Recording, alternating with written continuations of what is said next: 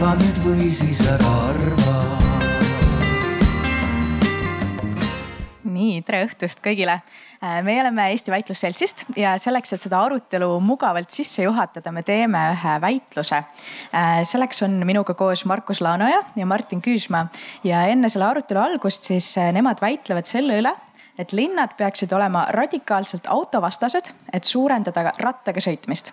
Äh, ja siinkohal vahe, väikse vahemärkusena ütlen, et nad ei esinda siis enda isiklikke vaateid, vaid neid vaateid, mis neile on määratud. nii et pärast siis, kui te ei nõustu, ei pea nendega pahandama minema. Äh, nad äh, väitlevad siis kordamööda. kokku on siis neli kõnet, mida te kuulete ja julgelt mõelge kaasa aktiivselt, sest pärast teeme ühe väikese hääletuse, et kumma kõne siis oli veenvam. nii et võite selles suunas ka mõelda, aga ma rohkem ei jutusta, vaid annan sõna Markusele. Tere, kallid kuulajad, ma arvan, et autostuv linnaruum teeb kahju meile endile ja meie elukeskkonnale.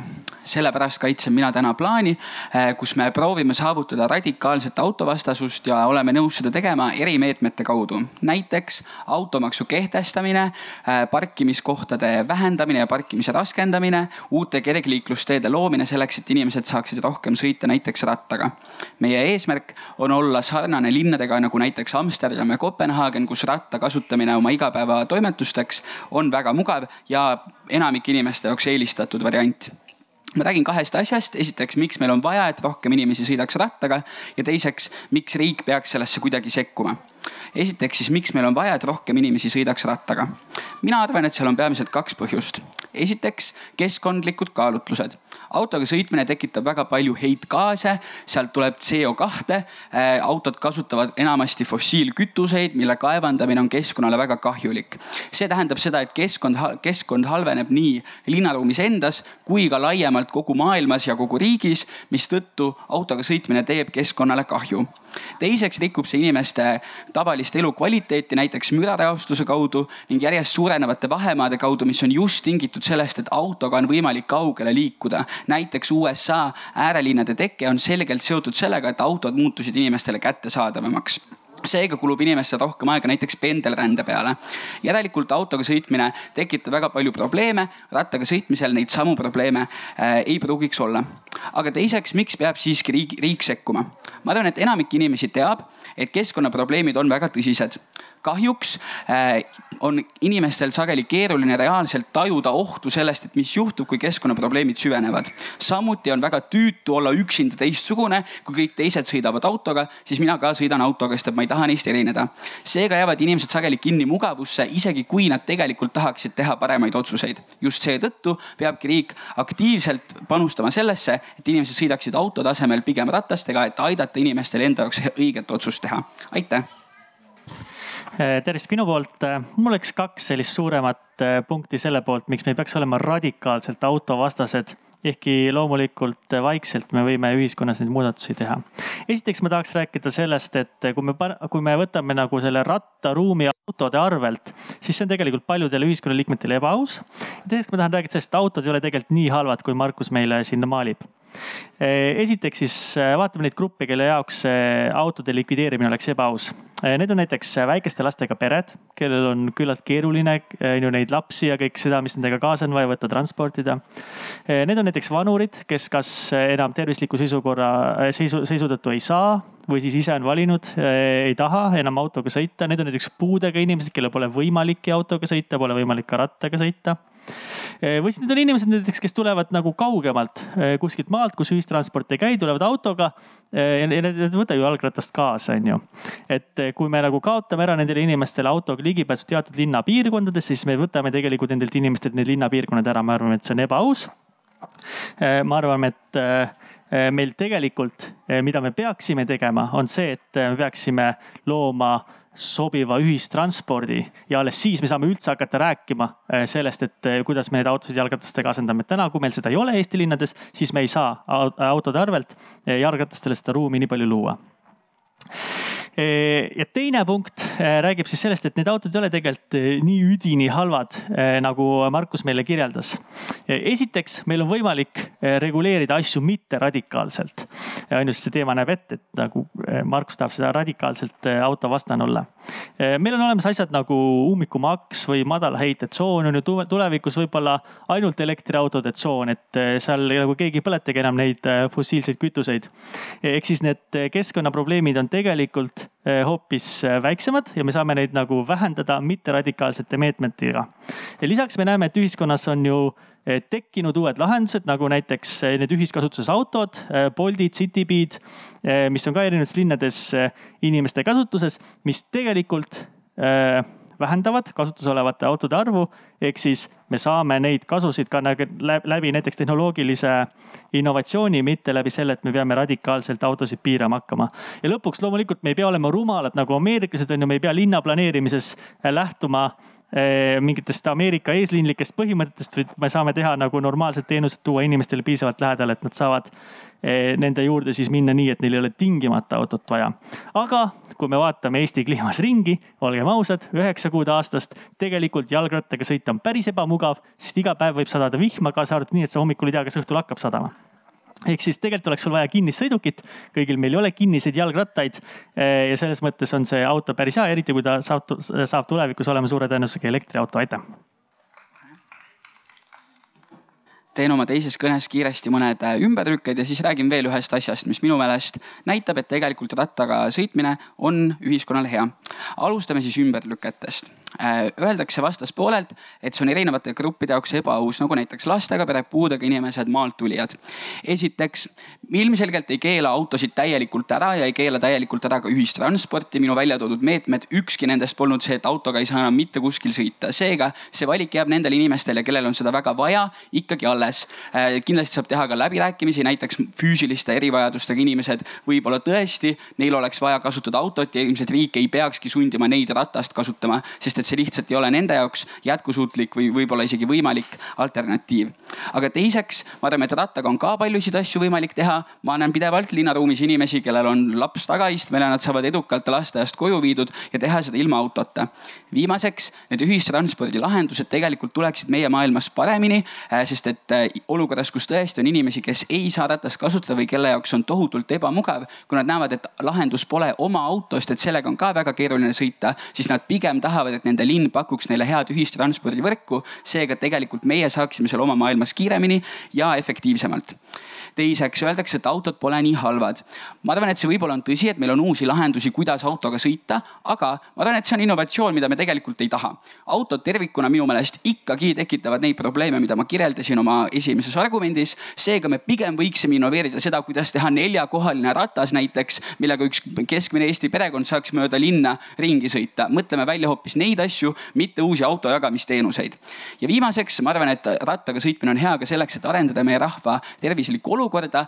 Äh, rohkem füüsilist tegevust on kõikidele hea, seega ka rahva tervis on argument, äh, mis tuleb jaatava poole kasuks. kõigil nendel põhjustel hääletage minu poolt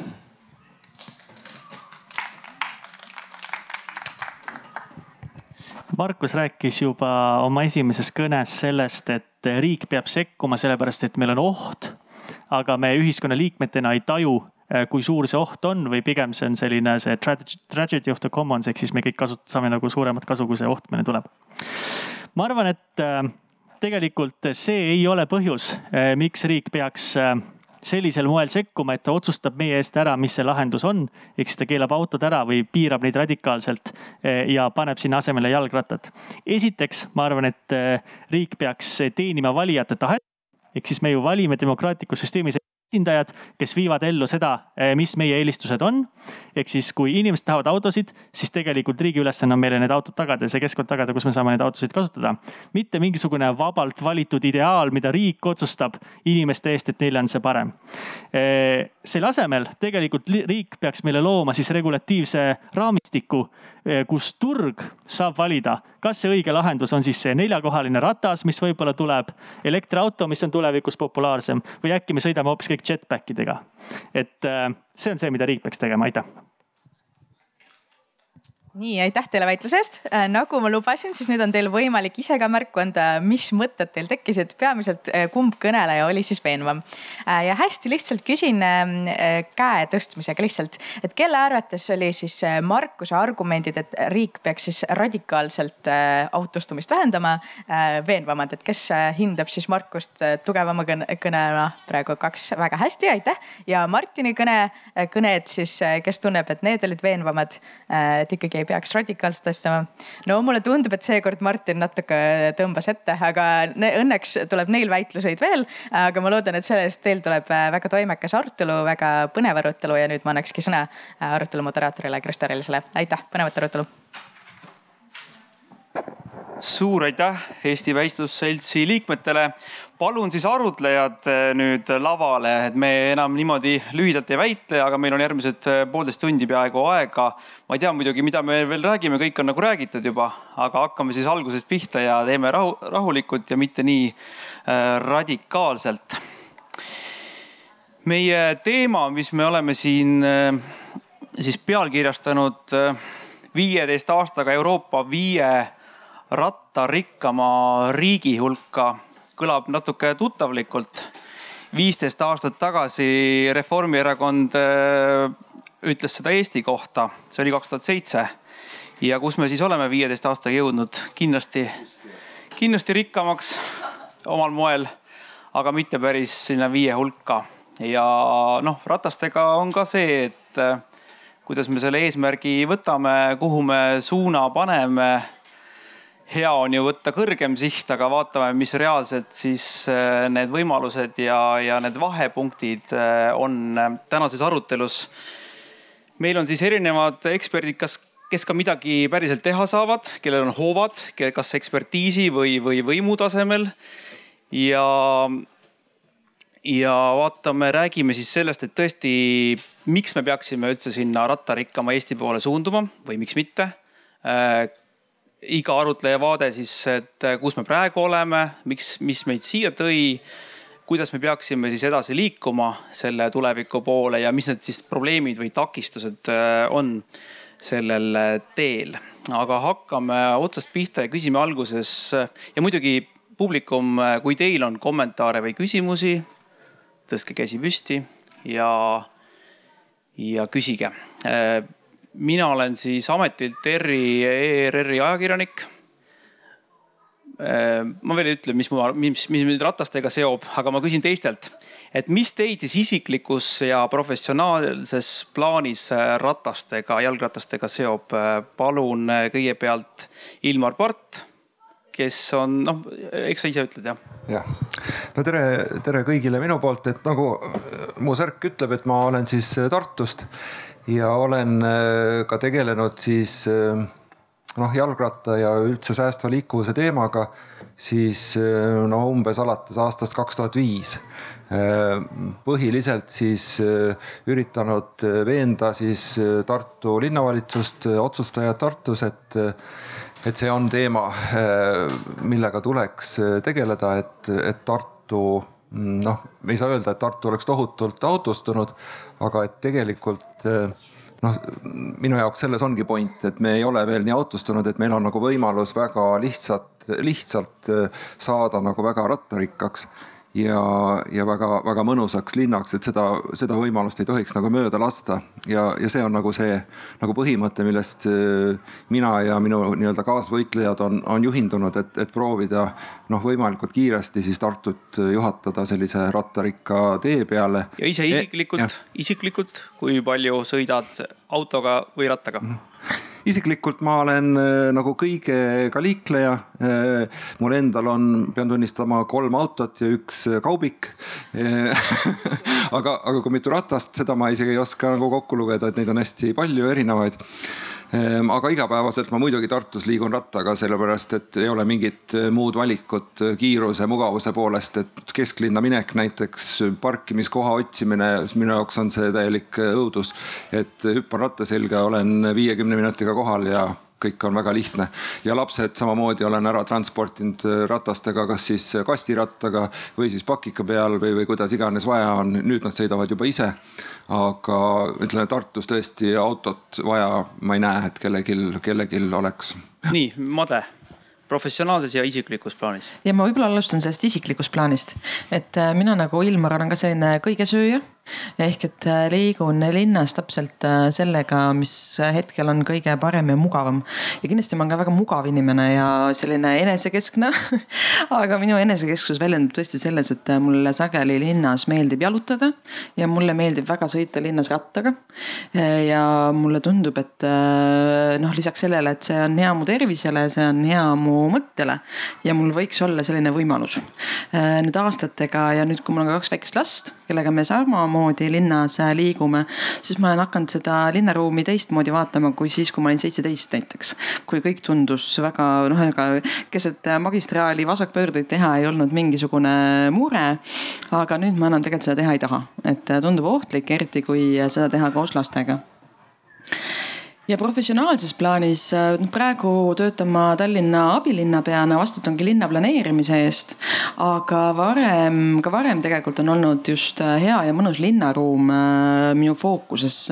vahet siis ei ole, kas ma olen tegelenud või töötanud siis kogukonna või piirkonnaühenduses, kas töötasin muinsuskaitseametis.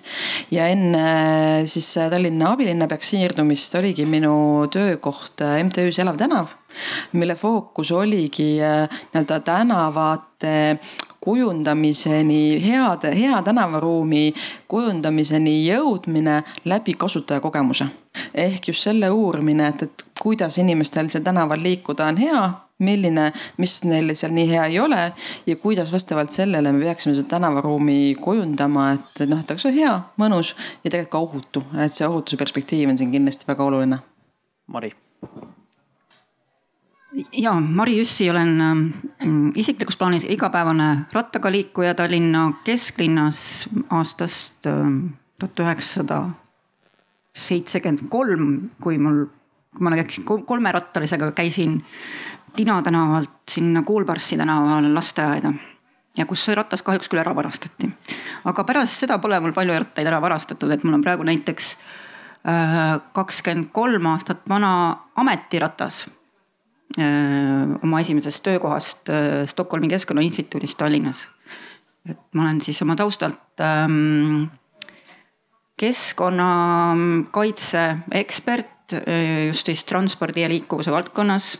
mul on nagu selline hingelähedane olnud siis selline säästva liikuvuse ja ka jalgsi ja rattaga äh, liikumistingimuste selline edendamine, et see kaks tuhat üheksa sai ka Eesti rattarikkaks algatus ähm, loodud ka Ilmar ja, ja Madle Uue Maailma Seltsi kaudu, et just nagu erinevaid inimesi kokku tuua sellel teemal. ja hetkel olen Riigitranspordiametis strateegilise planeerimise peal.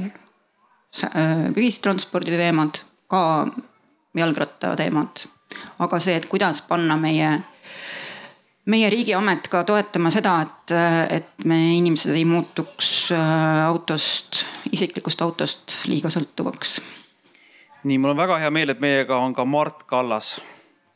ja tere kõigile, mina olen siis selle äh, diskussiooni must lammas, Mart Kallas, EKRE fraktsiooni esimees Tallinna volikogus. ja siin ma olen arvatavasti sellepärast, et ma olen kaitsnud äh, natuke autojuhtide huve selle ratastumise vastu, mis praegu linnas toimub ja otsene isiklik suhe on see, et paar päeva tagasi seoses uue liikluskorraldusega eh, kohtusid minu auto ja tõukeratas, kes tuli vastassuuna vööndist ja just nimelt uue sellega õnneks noormehega oli kõik korras, auto sai väiksed kriimustused, aga no see selleks. ja ma ikkagi leian, et äh, ma saan aru, et praegu suvel on see, see teema rataste poole hästi kaldu ja tõesti, ma olen ise ka sõitnud rattaga lapsepõlves rohkem, oma rattamisi maha kaks aastat tagasi. tundsin, et põlved ja tagumik ei kannata enam rattasõitu. ja nii ta ongi, et ma ei ole ratta, ratast ega rattasõidu vastu ja linnaplaneeringus ka rattale igasuguste võimaluste loomisega, aga ma leian, et hetkel toimub see natukene kuidagi just nimelt nagu siin väitlejad nimetasid radikaalselt. ja kõik, mis on radikaalne, siis kahjustab ka paraku teise poole huve väga radikaalselt väga hea, kõik on äh, tutvustatud, ma ise siis pean ka ennast tutvustama või mis, mis need minu hoiakud on. ma arvan, ma olen ise keskmiselt suurem autokasutaja, ma sõidan üle Eesti väga-väga palju seoses oma tööga. ja mul on tihtipeale vaja just hommikul selle tipptunni ajal hästi kiiresti läbi linna sõita ja asjad ära ajada samas ma olen äh, sõitnud äh, tihedalt rattaga kontoripäevadel igapäevaselt hommikul tööle koju, kaheksa kilti edasi-tagasi.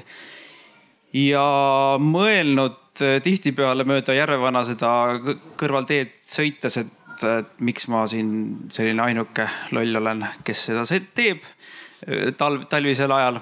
aga, ja, ja see innustab ka mind mõtlema, et äh, kuidas saada niimoodi, et need sealt inimesed, kes istuvad seal Pärnu maantee ummikus, tuleksid vähemalt mõned äh, rataste peale, et äkki mahuks siis rohkem ka äh, neid inimesi sinna autode peale, kes, kellel tõesti vaja on. aga hakkame siis pihta. miks on meil vaja tänasest palju rattarikkamat Eestit või siis ei ole vaja? et noh, ikkagi tõsiselt niimoodi, et numbrid ikkagi muutuks suured ja me oleksime tõesti seal viie rattarikkama hulgas. kes alustab? ma võin äkki alustada siis, et miks me ei ole äh,. siin ütleme, kõik see planeering, mis ma olen näinud ja, ja esimene minu, minu nagu pretensioon on selles suhtes, et kõik need multifilmid, mis on tehtud siin, just see äh, Peatänava projekt ja kõik, et linnud laulavad ja lapsed na naeravad seal ja kõik, et see on tehtud, kõik need asjad on tehtud nagu suve perspektiivis ja nagu siin mainitud on, et, et meil on seda suveaega väga vähe ja noh, ma olen volikogus ka küsinud, et näidake talveprojekte ja näidake siis sügise projekte ja siis kui lund sajab ja siis, kui on soolaläga põra-, tänavatel. ja teine moment on muidugi see, et äh, ma näeksin seda katsetust ja proove näiteks Tallinna suhtes, kus on just see viieteist minuti linn on väga lihtsalt teostatav, näiteks Lasnamäel, eks ole, ja Õismäel, kus on tõesti need poed on ilusti paigutatud, aga, aga seal millegipärast ei tehta seda ja tullakse täpselt kesklinna, sellepärast et mina oma tööga seoses sõidan kuskil paar tundi autoga vähemalt, eks ole, ja erinevate linnaosade vahel ja ma näen seda kitsast koridori, mis näiteks ütleme, ühendab äh, kasvõi Piritat ja Mustamäed, et ma pean sõitma läbi kesklinna, mul ei ole teist teed. Tallinn on planeerinud küll äh, väikse ringtee tegemist, see on toppama jäänud, see parandaks kõvasti, tooks liikluskoormust kesklinnast ära ja need asjad kuidagi see ratta, just see, ma tunnetan nagu, et äh, kui ma, mina autojuhina igapäevast tööd tehes ma olen kuidagi sattunud mingisuguseks põlualuseks ja ma näen see, see rattastrateegia ja see propaganda, et isegi ma näen propaganda elemente äh, juures. et need asjad nagu tulevad kuidagi peale ja kuidagi on tuttav tunne selles suhtes, mis ma nägin nagu nõukogude aeg. ja teine asi, mis ma tahan öelda, äh, väited, siin ma laon oma väited kohe välja, kui räägitakse müratasemest tõmbasin äpi alla endal telefoni ja käisin tõesti mõõtmas, mõõtsin oma kaheksa aastat vana diiselauto tühikäigul oli kuuskümmend viis detsibelli. hakkasin sõitma, mõõtsin kaheksakümmend viis detsibelli. nii, siis läks äh, niinimetatud roheline buss gaasiga, läks minust mööda. Äh, äpil oli see tugevuse piirang peal sada kakskümmend, igal juhul sada kakskümmend ta näitas. troll täpselt samuti ja tramm täpselt samuti. nii et mürast ei ole mõtet rääkida. heitgaasid kõik autod absoluutselt käivad autotehnilises ülevaatuses, kus mõõdetakse heitgaaside taset. Need heitgaaside eh, normid on pidevalt karmistunud ja kõik autod on kohustatud selle tehnilise ülevaatuse läbi tegema. ja ma julgelt väidan, et eh, tavaline korralik auto ei tekita linnaruume mingisuguseid heitgaase väga hea, Mart juba ladus kõik vastuargumendid äh, lauale. Äh, Madle soovis, ehk siis hakkame ikkagi sealtpoolt pihta. miks on vaja seda rattarikkust? ja, et no ma arvan, kui me räägime, et miks on seda vaja, et siis peab vaatama natuke nagu laiemalt, et, et miks meil üldse on vaja ressursse vähem tarbida, miks meil on vaja ka naftat vähem tarbida. et praeguse nagu kriisi, kriiside olukorras on see, ma arvan, et kõigile üsna selge, et kui me tahame noh, ennast nagu kaitsta nagu tulevaste kriiside eest, siis minu meelest on see nagu vältimatu, et me auto nagu sõltuvusest peame nagu järk-järgult nagu vabanema. mis mõttes sõltuvusest? no sellest sõltuvusest. inimesed teevad tööd sellest sõltuvusest, et Maksavad kui, et kui ma sõidan ainult autoga, siis mul on vaja ju kütust, mul on vaja ka seda autot, mul on vaja neid ressursse, et seda autot toota. et need on kõik tulevad ju väljaspoolt Eestit, me ise ei tooda ühtegi autot, ise me ei, ei tee ühtegi, ühtegi seda barrelit naftat, et, et selles mõttes kõik see tuleb ju sisse, et kui me mõtleme nagu kütuse majandusele. hinnast äh, pool moodustavad riiklikud maksud aga pool ei moodusta ja, ja selles mõttes, et kas, kas te arvate, et kütuse hind siis läheb edaspidi nagu alla? Tähendab, eks siis vastavalt sellele tuleb sõita ja vastavalt sellele tõusevad hinnad. kütusehinnad tõusevad, siis tõusevad ka kaupade hinnad jah, et kütusehinnad tõenäoliselt läheb ju kogu energia ikkagi maailmas kallimaks. et kui me jääme nagu sõltuma autost, mis, mis oma olemuselt on ebaefektiivne, et me, ta on ju suur kolakas metallitükk, millega me transpordime tihtipeale ühte-kahte inimest, et see lihtsalt ei ole efektiivne. et ja kui me mõtleme nagu oma majanduse peale, noh, siis see ei ole ka efektiivne, et noh, see on lihtsalt üks põhjus, mis ma näen, et miks me ei saa jääda sõltuma nagu sõiduautost, eriti noh linnades, et ma ei räägi nagu linnadevahelisest. aga võib-olla ma annaks nagu pulga edasi, et. jah, Madle soovis ka rääkida, et no kuulsid ka Mardi argumente, ta juba mõõtis ära neid müratasemeid ja heitgaase tead, mina, ma mõtlesin ka just, et äh, miks ma selle näpu püsti tõstsin, et tõmbaks korra selle lehviku natuke laiemaks, et, äh, et kohe mitte ära detaili minna, et, et korra proovida seda perspektiivi laiemana hoida. ja et miks me tegelikult üldse räägime äh, liikuvusest või liikumisest. ja miks ta praegu on eriti aktuaalne, noh üks kindlasti need kütusehinnad ja kõik see, see on ka väga aktuaalne. aga ma siiski alustaksin tervisest. et äh, kui vaadata laiemalt äh, Eesti inimeste kasvanud kehakaalu viimasel ajal ja nende harjumusi, siis on näha, et äh, see nii-öelda keskmine kaal, ülekaalulisus nii täiskasvanute kui laste hulgas on oluliselt kasvanud. et see on. minule viitad või?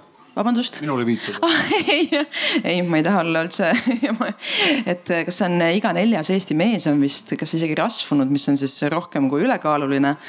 ka laste hulgas ülekaalulisus on, kas iga viies laps on ülekaaluline. et äh, see on nii-öelda oluline, noh, ma alustaksingi kõigepealt sellest nii-öelda rahva tervisest või meist endist. mõju, mida iga, iga inimene oma nahal tunneb. Äh, ja on väga selgelt ära näidatud, kuidas just sellisel igapäevasel liikumisel tegelikult on meie igapäevasele tervisele väga oluline mõju.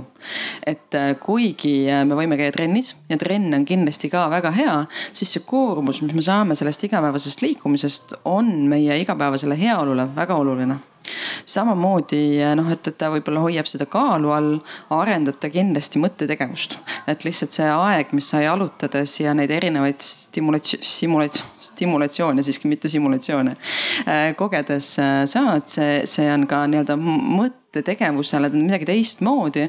ta arendab seda mõttetegevust, paneb mõtted teistmoodi äh, jooksma. autos ka mõtled ju?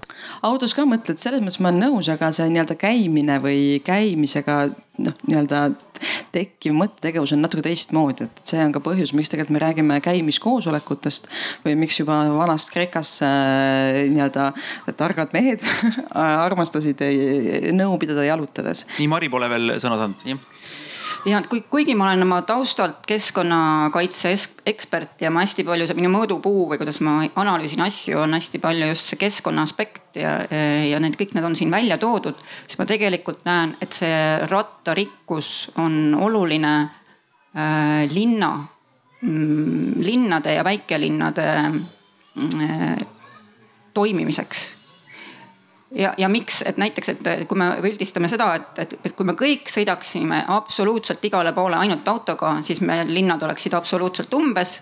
ja me ei saaks nagu laiendada kogu seda tegevust nagu kõikide inimeste peale, et igatahes ükskõik, isegi kui nad on nullheitega, nullheitega ja nullmüraga, see linn ei toimi, kui kõik äh, äh, liiguks autoga kui me liigume näiteks jalgrattaga. ja, ja ei, ma räägin seda, et, et see mitmekesisus linnas, ja valikuvõimalused. praegu väga paljudel ei ole valik, nad ei tunne ennast turvaliselt linnas, mis tähendab, et tegelikult inimeste valikuvõimalused näiteks jalgsi või jalgrattaga liikuda või iseseisvalt lapsi kooli saata tegelikult puuduvad. nii et sellel rattarikkusel on hästi oluline roll linnade toimivuse, inimeste toimetuleku, keskkonnateemade, terviseteemade ja linna majandamise terviku aspektist Mart vahele ja siis. ja ma kommenteeriks Madlet, et Madle rääkis siin tervisest ja kõik nii edasi, et ma olen ligi kuuekümne ligine meesterahvas juba ja näiteks ma tunnen, et autos mul kindlasti autosõiduga mul paraneb tähelepanuvõime, reaktsioon ja mentaalne ütleme nihukene planeerimine kus tänavast ma lähen, kus ma lähen, miks ma sealt ei lähe, sellepärast et sealt on Tallinna linnavalitsus punased ribud peale teinud. ma katsun kuskilt kõrvaltänavast libiseda läbi. kogu aeg mõtlen rooli taga, absoluutselt kogu aeg mõtlen rooli taga ja see hoiab mõtte erksa. nii ja teine asi, mis ma tahtsin öelda, et Tallinnas on, äh, Tallinna strateegias on selline punkt sees nagu äh, kõiki arvestav linn. ja paraku on sealt välja jäänud nagu autojuhid just millegipärast, et teised kõik on nagu sisse saanud sinna ja, ja ma korra olen seda maininud iseenesest, äh, aga see vist ei läinud suurele auditooriumile et ma leian, et praegu on näiteks Tallinnas on tekkinud pigem vastasseisud ütleme niimoodi, et autojuhtidel ja jalakäijatel on vastasseis jalgratturite ja tõuksidega.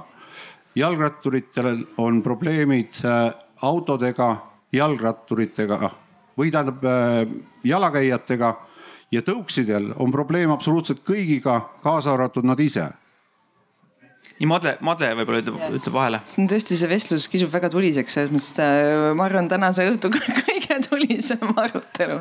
mulle meeldib ma arvan ka, et see on väga positiivne, et äh, aga noh, tulles korra just äh, noh minu positsioon abilinnapeana, et mul on siin see privileeg kommenteerida seda noh, nii-öelda, et kuidas me Tallinna linnas tegelikult praegu vaatame erinevaid liikumisviise ja kuidas me seda teeme või mis on nende planeerimise aluseks, väga oluline mõiste on teekondade jätkuvus. ehk et tulles just tegelikult tagasi selle kohta, mis siin alguses ka räägiti, need erinevad radikaalsused, siis tegelikult miks mul oli raske nende vahel ka nagu valida või kumma poolt hääletada. sest tegelikult minu arust kumbki neist polnud nagu päris radikaalne või et, et nad olid tegelikult mõlemad noh, natuke siia, natuke sinna, aga pigem ikkagi seda keskteed otsivad. ja selles mõttes ma olin nendega mõlemaga väga nõus, et ma arvan, et see, mis me tegelikult tegema peame, ongi nii-öelda leidma neid võimalusi, kuidas on võimalik liigelda erinevate liiklemisviisidega. mis ta, vaadates Tallinnas praegu erinevat tüüpi teekondade jätkuvust, kui me mitte ei räägi ainult autoteedest või siis sõiduteedest vaid räägime ka kõnniteedest ja rattateedest, siis me näeme seda, et, et kui äh, sõiduteid on tavaliselt äh, või nii-öelda, see on täiesti nii-öelda standard, et me plaanime neid jätkuvana, siis tegelikult ratta ja kõnniteede puhul see niimoodi ei ole. mis tähendab seda, et, et teiste liikumisviisidega liikumine on oluliselt halvendatud ja see ongi see suund, mille me praegu oleme võtnud, ehk et, et rattateedel oleks oma põhivõrgustik, kus ma saan kiiresti liikumiseks ühest punktist punktist teise jõuda, täpselt samamoodi jala.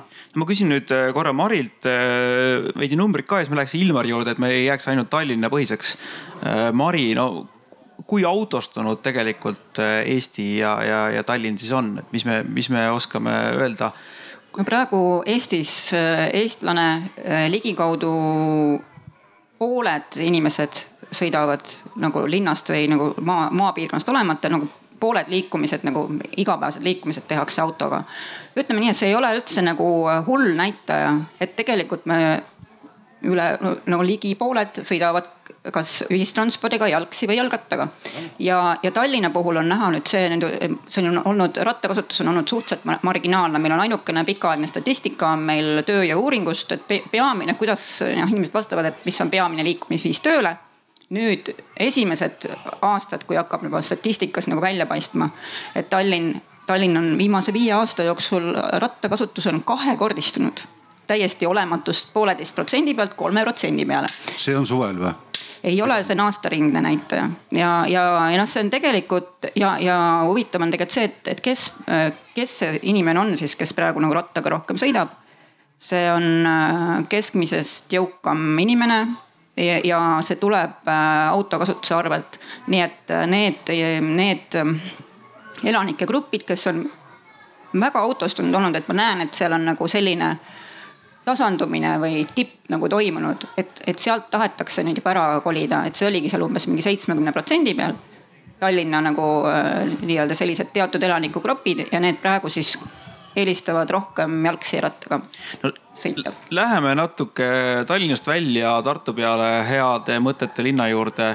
no Tartu ratta pealinnaks on sul särk juba kaks tuhat üksteist, et, et kui vaadata tõesti Tallinna kontekstist, siis äh, alati see tundub selline eeskujulik äh, linn. ma käisin just tegemas ühte lugu sealt äh, rattaringlusest ja noh, minu jaoks on see Tallinnas on täielik välismaa see, kuidas see rattaringlus toimib, et äh, inimesed ei mõtle, kui nad seda ratast seal võtavad, et äh, no mis, mis oli see, mis nagu tingis, et, et selline asi, selline süsteem äh, hakkas seal tööle? pean tunnistama, et mina nagu selle rattaringluse alguse juures noh, otseselt ei olnud, et, et minu käest nõu ei küsitud kui seda loodi ja, ja ma pean tunnistama, et ma isegi olin natuke selle vastu, sest eh, see on päris kallis süsteem ja ma ise nagu uskusin, et, et see raha on nagu parem eh, kulutada infrastruktuuri ehk rattateede peale, sest Tartu noh, võib-olla väljaspoolt paistab, et on nagu hästi kõik rattateedega, aga kui vähegi liikuda Tartus, siis noh, saab selgeks, et, et tegelikult päris hästi kõik ikkagi ei ole, et, et seal on päris, päris palju neid kohti, kus tõesti rattateed ära lõpevad ja ei olegi neid ja, ja on keeruline. aga, aga tagantjärgi nagu vaadata seda rattaringlust, siis ma muidugi tunnistan, et, et ma eksisin, et, et see oli nagu hea raha äh, paigutus, sellepärast et ta lihtsalt tõi nii suure hulga inimesi ratta selga, kes muidu ei oleks hakanud nagu rattaga igapäevaselt sõitma. ja, ja kui muidu me tavaliselt ütleme, et, et ehitage ja, ja inimesed tulevad või ratturid tulevad, siis noh, see rattaringlus näitab, et, et andke inimestele jalgrattad ja siis nad samamoodi hakkavad äh, sõitma. et, et mõlemat pidi nagu töötab aga äh, muidugi noh, see, see rattateede võrgustik peab nüüd järgi tulema ja, ja selles mõttes on Tartus hästi huvitavad äh, ajad, järgmised paar-kolm-neli aastat äh,, kus Tartu plaanib siis ehitada välja jalgrattateede põhivõrgu paratamatult siis ka autode ruumi arvelt nagu sõidutee ruumi arvelt, sellepärast et meil ei ole mujalt seda ruumi võtta. Ja, ja võib-olla täna või selle suvine siis äh, selline väike mm, komistus selle, selle Riia tänavate rattaradadega noh, võib-olla näitab siis seda, et, et ega ei ole see asi nii lihtne et, et, et see ei, ei pruugi kõik minna nii, nii sujuvalt, kui, kui võiks loota no,. aga, aga lähe, kas ma võin paar, lihtsalt ma tahtsin paar asja nagu, mis siit varem nagu üles kerkisid, et, et üks oli nagu see müra teema, et ma ei tea, kuidas teiega on, et noh, mina olen nagu linnas, noh, Tartu ei ole nagu nii suure liiklusega kui Tallinn, aga, aga kui ma Riia mäest üles jalutan, siis ma tegelikult äh, ei saa noh, oma kaaslasega juttu ajada, sest et see müra on nii suur. ja see ei ole mitte tingitud sellest, et üks buss või kaks või kolm bussi tulevad mööda, vaid see on see pidev müra, mis tuleb autoliiklusest, et selles mõttes ma olen nõus, et muidugi buss teeb rohkem müra, aga see buss tuleb ju suhteliselt harva või, või tramm või troll. et, et see pidev, pidev nagu mürafoon, mis mind häirib ja mis mind pigem siis sealt Riia äh, mäelt nagu ära suunab ongi see, mis tuleb autodest ja, ja palju mõnusam on istuda autos, seal on hea vaikne, panen aknad kinni ja, ja see suunab mind nagu pigem siis nagu autot kasutama, noh näiteks. et, et see on nagu üks asi ja, ja teine asi võib-olla see igivana teema sellest, et, et üheksa kuud aastas ei ole nagu võimalik hästi rattaga sõita, et siis noh see ajab mind isegi natuke naerma, aga, aga ma ise olen aastaid ja aastaid sõitnud aastaringselt. iga talvega näen, kuidas Tartus üha rohkem inimesi sõidavad aastaringselt ja et kõige suurem probleem ei ole mitte vihm, lumi, lörts, külm, see kõik on täiesti talutav, paned õiged riided selga. kõige suurem probleem on teede hooldus ja see on täiesti linnavalitsuse nii-öelda kätes et kui me tahame, et on võimalik talvel sõita siis lihtsalt on vaja äh, teed hommikul ära koristada ja saab sõita. Jah, ma äh,, lähme Mardi juurde, mul oli tegelikult, ma äh, ise vaatasin täna just seda Oulu, Oulu ühte videot äh,, mis on see kõige eeskujulikum Tallinna rattalinn, et seal saavad teepuhastajad äh, inimeste positiivse tagasiside eest preemiat või kuidas see käis, et, et kui nad puhastavad hästi, siis nad saavad rohkem raha et niimoodi, niimoodi süsteem, kuidas ka talvel oleks äh, rattateed korras. aga Mardil, äh, lähmegi võib-olla nende rattateede võrgustiku äh, laiendamise peale, et see, mis praegu sel suvel ikka kõvasti kirgi tekitab. ma korraks tahaks oponente lihtsalt meelde tuletada väikest nüanssi, et mille üle me vaidleme ja kuida me vastustame üldse. et ratas on põhimõtteliselt liikumisvahend, eks ole. auto on liiklusvahend ja transpordivahend ja need asjad ei ole nagu omavahel võrreldavad absoluutselt, et ma saan aru, et äh, härra oponent äh, soovib talvel sõita rattaga, aga mina ei soovi. ja kas te tahaksite panna mind talvel sõitma? kas te tahaksite, et ei. ma viiksin oma lapse, lapselapsed lasteaeda talvel? kui, kui rattaga? sa seda ei soovi, siis kindlasti mitte. ma saan aru, et on võimalik sõita, kõike on võimalik teha, inimesed teevad äh, uskumatuid asju tuleb, tuleb anda inimestele need võimalused. ei, ma sellega olen nõus ja inimesed hea meelega saavad need võimalused, aga ma räägin, Tallinnas on talvel isegi jalakäijate jaoks on kõnniteed rookimata, te räägite nüüd rattateedest, eks ole, mida me taristut tahame. Tallinnas on palju tööd teha no ma arvan, Tartus see samamoodi, aga siis jah, meil on abilinnapea siin, tema saab selle uudise edasi viia, et. Äh, ja mis ma tahtsin öelda selle müra kohta, autode müra kohta, see on, ma ei tea, kas Tartus, noh, ma arvan ikka Tartus käib samamoodi, eks ole. et Äh, abiline Novikov, kes nüüd läks äh, oma loodud pessa Tallinna Transpordiametisse või sinna bussiparki. Äh, tema ütles niimoodi, et liiklust tuleb rahustada ja isegi nõukogude aeg olid Tallinnas veel rohelised lained, et liiklus oleks sujuv. et kui auto liigub sujuvalt, siis ta teeb ka vähem müra. kui auto on punase joone taga absoluutselt näiteks uus Reidi tee, täielik punane laine, sa sõidad, kiirendad, pidurdad, kiirendad, pidurdad, kiirendad, pidurdad, see tekitab müra, ma olen nõus. ja sellest tekib mürafoon. Ja mida rohkem on autosid linnas, mida rohkem te takistate sujuvat autode liikumist, seda rohkem on müra. nokk kinni, saba lahti ei, sujuvat autoliiklust ma arvan, et ei pea takistama ja see, see liikluse rahustamine tegelikult aitab sellele kaasa, et seda on nagu näidatud, et kolmekümne kilomeetri tunnikiirusega on, on liiklus palju sujuvam kui viiekümnega, sest kõik kõrvaltänavalt tulijad saavad palju kergemini vahele. et see, ma ei tea, Maria, ma arvan, et oskab nagu neid näiteid tuua, et tema no, nagu selle ajas. pidev võtnud. kiirendamine siis sinna viiekümne lähedale, see tervikuna tekitab rohkem müra kui see, et äh, ühtlaselt kolmekümnega sõita.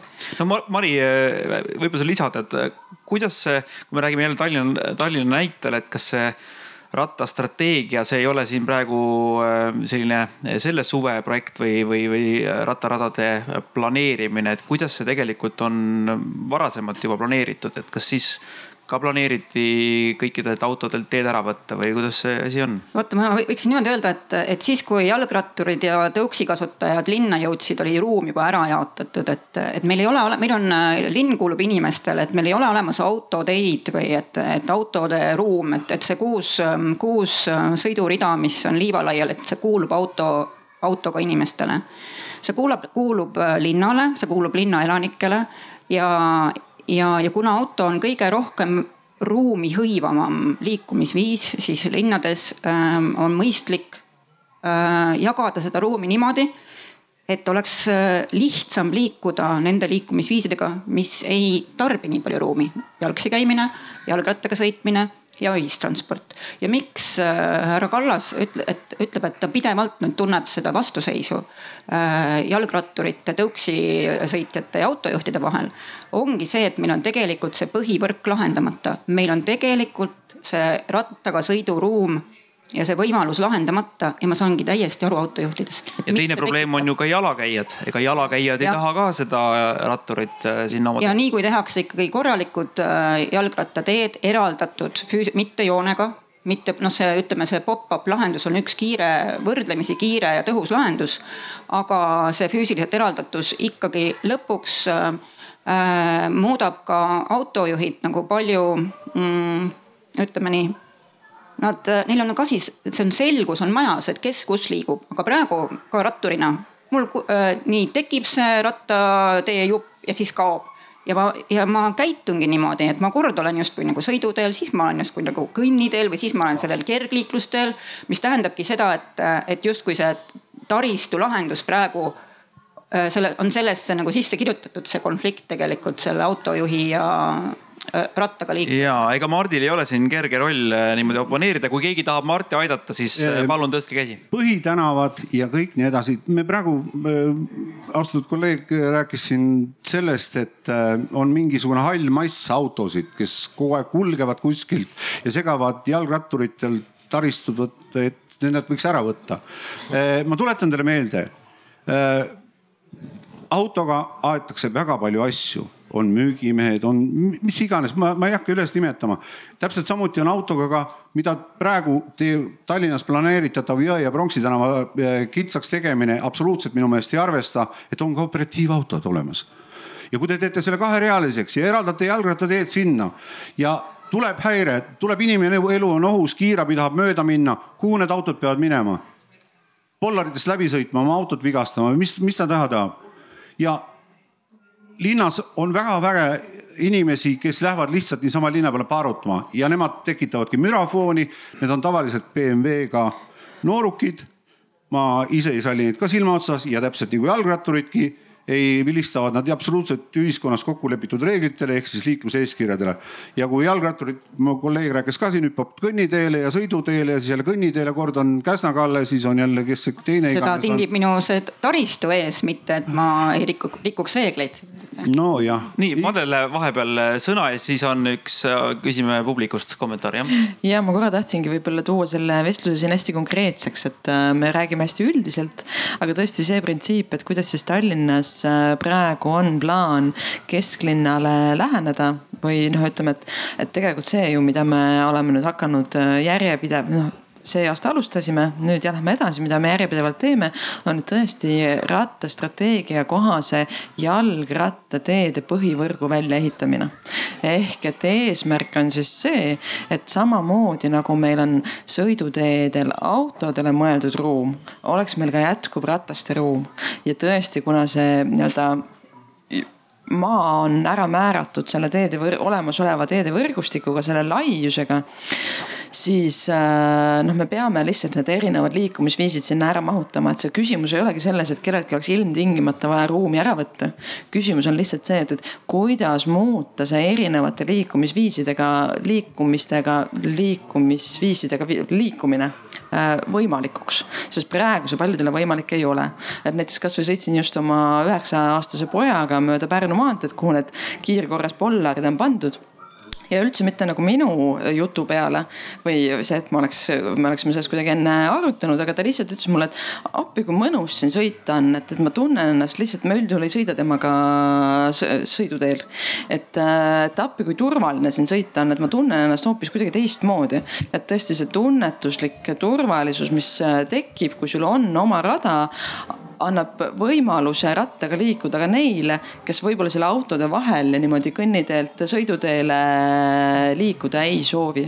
ja noh, see tegelikult äh, selle jõe-pronksi puhul minu teada seal, no esiteks kindlasti on see operatiivsõidukitega äh, nii-öelda läbi modelleeritud, et seal pole küsimustki, et, et nad äh, sõita saavad seal. ja sõiduteed. kus teil see model, model? model, kõik, kõik projektid, kõik teeprojektid modelleeritakse erinevat tüüpi autodega läbi. liiklussimulatsiooni absoluutselt ei tööta. on, on, on. Ei, no, kõik. puud on juba seal maha võetud, nii et ruumi on. ma võtan siit äh, kommentaari äh, siitpoolt ka. tere, tänan. tõenäoliselt Tallinnas kõige enam sõitev autojuht üldse äh,. tänan teid, et võtate seda asja arutada, kuid äh, jalgratturid tänapäeval, noh nagu te panete tähele, on Eesti mitte keskmiselt jõukamad, vaid kõige ülemised tuludetsiili inimesed. ja panete tähele, nad on suurepärases tervislikus seisundis, seetõttu sõidavad nad jalgrattaga mitte, et ma oleks nüüd jalgratta vastu, aga selleks, et nüüd ähm, parandada seda olukorda, jalgrattarid ei peaks sõitma samadel teedel, kus sõidavad autod. lihtsalt sellepärast, et saabub talv, kus ükski jalgratas ei sõida ja kus on ainult võimalik liikuda autotranspordiga. ei ole teist võimalust, sest on teed äh, kas hooldamata, isegi see härra sõidab siis äh, kas jala, mitte jalgrattaga. nimelt lumi lükatakse autotee pealt jalgrattatee pealt, jalgrattatee pealt kõnnitee peale ja sealt ütleb ohkides-ähkides äh, kojamees, lükkab selle tagasi jalgrattateele. Jalgrattateel ei ole siis võimalik sõita. saabub, lisaks on olemas kolme kilomeetri piirangute puhul, see on ainult oluline tipptundidel, võib-olla päevastel aegadel, aga on olemas veel terve ööd. Need on kaksteist tundi vähemalt pikad. talvisel ajal on pime, jalgratturid ei sõida või need mõlemad jalgratturid on ehk siis Tallinnas väljas, keda ma siis kohtan. Need mõlemad, ma tean neid juba nägupidi.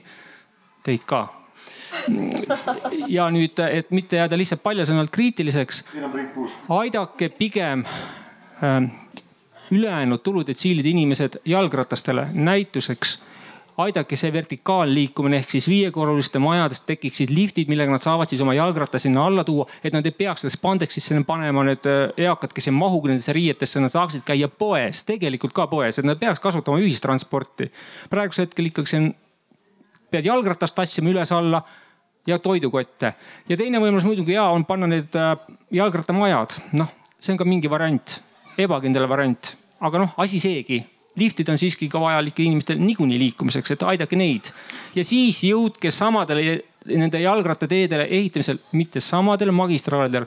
viige nad kõrvad läbi, viige nad läbi parkide ja kui ikkagi tahate, et jalgrattateed oleksid läbi autoteed, viige siis autod sealt minema. aga ärge jätke neid kokku, see, mis toimub seal Rannamäel, see on halb lahendus. ma võib-olla kiirelt kommenteeriks. suured tänud ka. kellelgi ja kui kellelgi on soov äh, jalgrattamaja rajada, see on väga õige mõte, ei olegi hea neid liftiga seal alla tassida, ebamugav. siis Tallinnal sellest aastast on rattamajade rajamise toetus. saate kõike võtta sealt äh, või noh, nii-öelda mõelda välja, milline maja teil vaja on ja tulge taotlema, ootame väga. et äh, härra publiku hulgast, et rääkis, et äh, viige rattateed läbi metsa äh,. väga halb näide Tallinnas Sütiste mets ehk siis Nõmme ja Mustamäe maastikukaitseala Natura kahe tuhande ala rattastrateegia käigus Tallinna linn planeeris nelja poole kilomeetri laiust asfalditeed läbi maastikukaitseala. võeti maha kahesaja puu asemel kaheksasada elujõust mändi. võeti maha ka eh, kalakotka pesapuu, mis on looduskaitse all, öeldi ups, aga rattastrateegia oli selline nii et äh, ma parkidest nüüd natukene hoiaks eemale need rattad. kas need, kas need teed ei ole rohkem selles tervisespordi äh, raja, mitte see igapäevase liikumise? tegemist ei ole mitte siis äh, rattateede põhivõrguga, vaid see on, Mari küll oskab kindlasti täpsustada paremini veelgi, aga tegemist on tervisevõrguga ja tervisevõrgu puhul see, et, et seda, ma ei tea, kas see isegi on tervisevõrgu kohane tee oli, aga asfalteerimine kindlasti ei ole nagu, ei ole vajalik neil tänavatel. tingimata lahendus. nii Maril oli vahepeal nüüd kommentaar.